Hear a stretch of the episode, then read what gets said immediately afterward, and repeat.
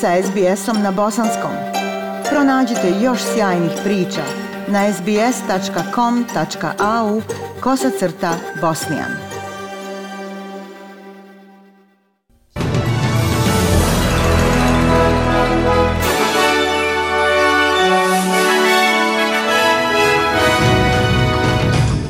U današnjim vijestima poslušajte.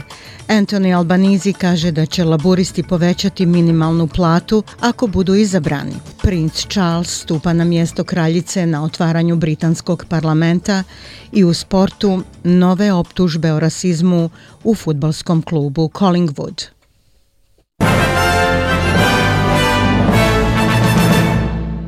Slušate vijesti SBS radija na bosanskom jeziku.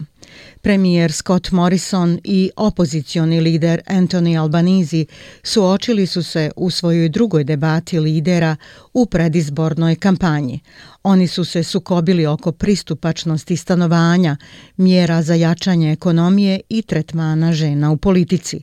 Gospodin Albanizi je obećao da će popraviti sektor brige o starima, obezbijediti jeftiniju brigu o djeci i pozabaviti se dostupnošću smještaja. Ali gospodin Morrison kaže da će koalicija osigurati bolju ekonomiju od laburista. We know that a strong economy Znamo da je snažna ekonomija ono što može osigurati jaču budućnost.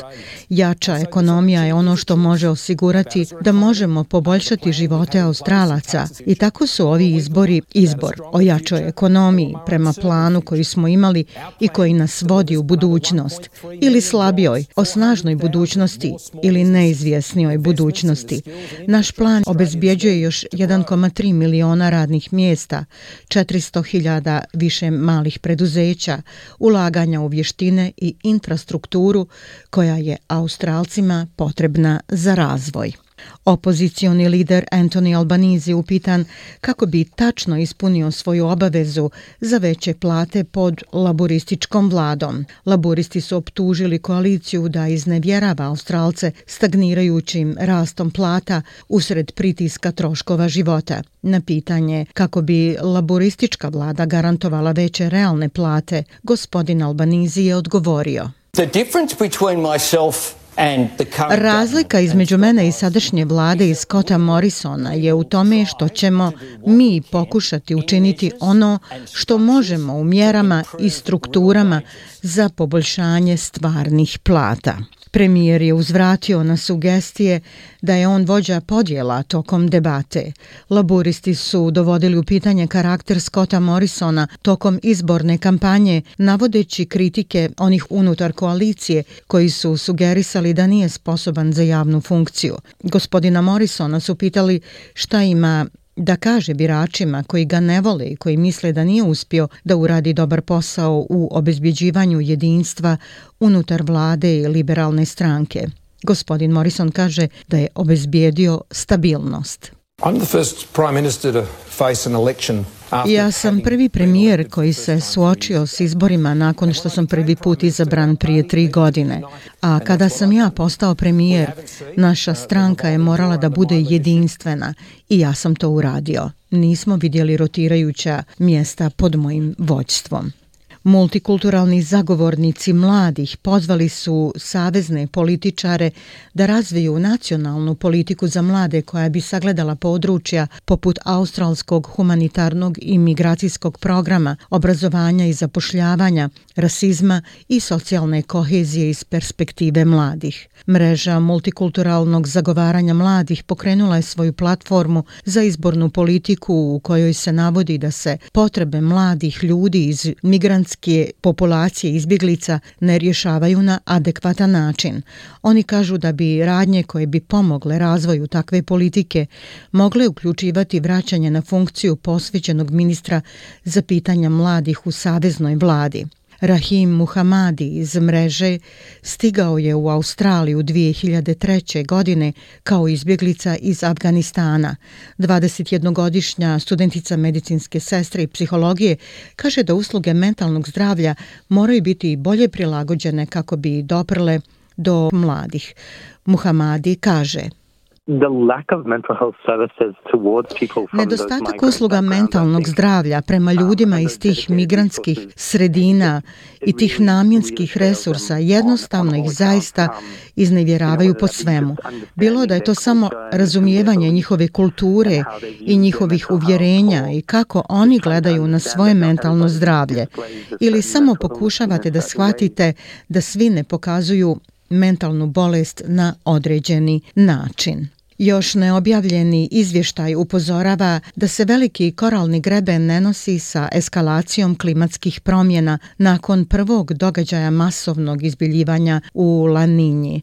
Nalazi su napravljeni u godišnjem Reef Summer Snapshot koji je pripremila uprava Morskog parka Velikog koraljnog grebena sa Australskim institutom za nauku o moru.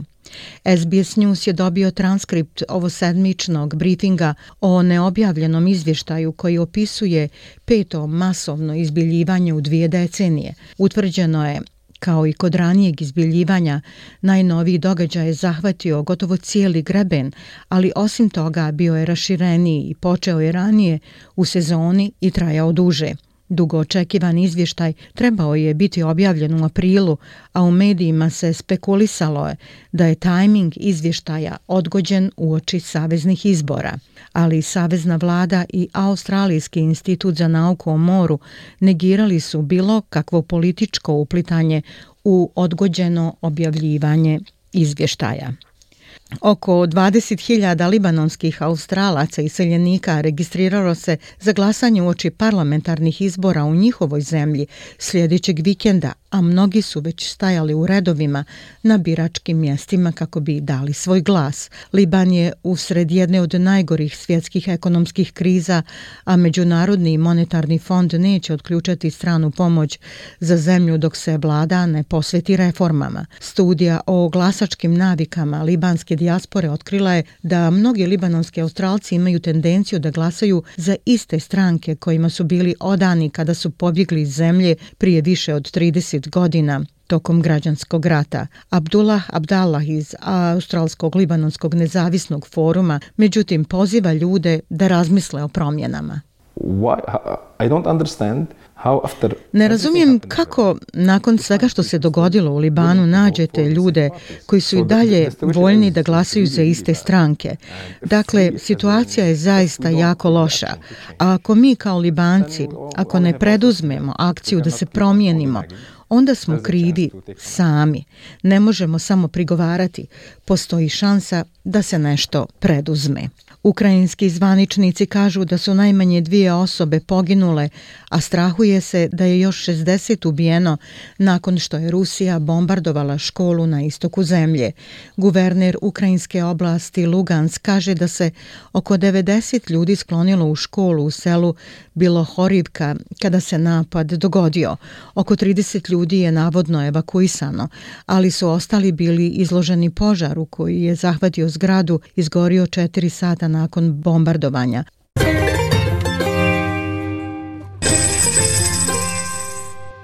Prema kursnoj listi, australski dolar danas vrijedi 0,69 američkog dolara, 0,66 eura, 0,56 britanske funte i 1,30 bosanske konvertibilne marke.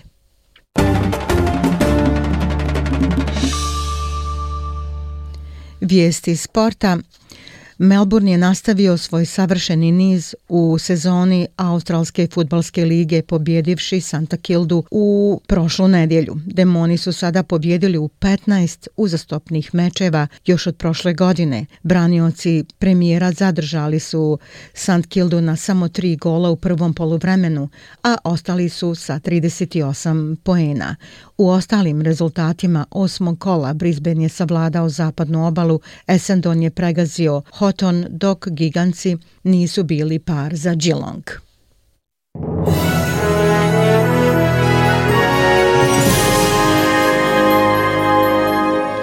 I za kraj vijesti poslušajte temperaturne vrijednosti za veće gradove u Australiji.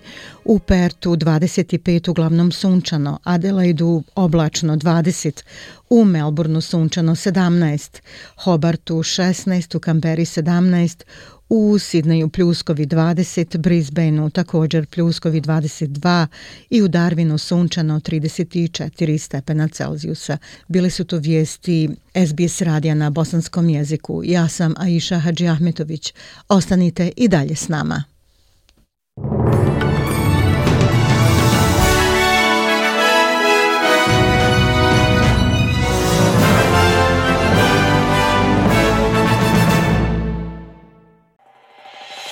SBS na bosanskom. Podijelite naše priče preko Facebooka. Želite poslušati još ovakvih priča?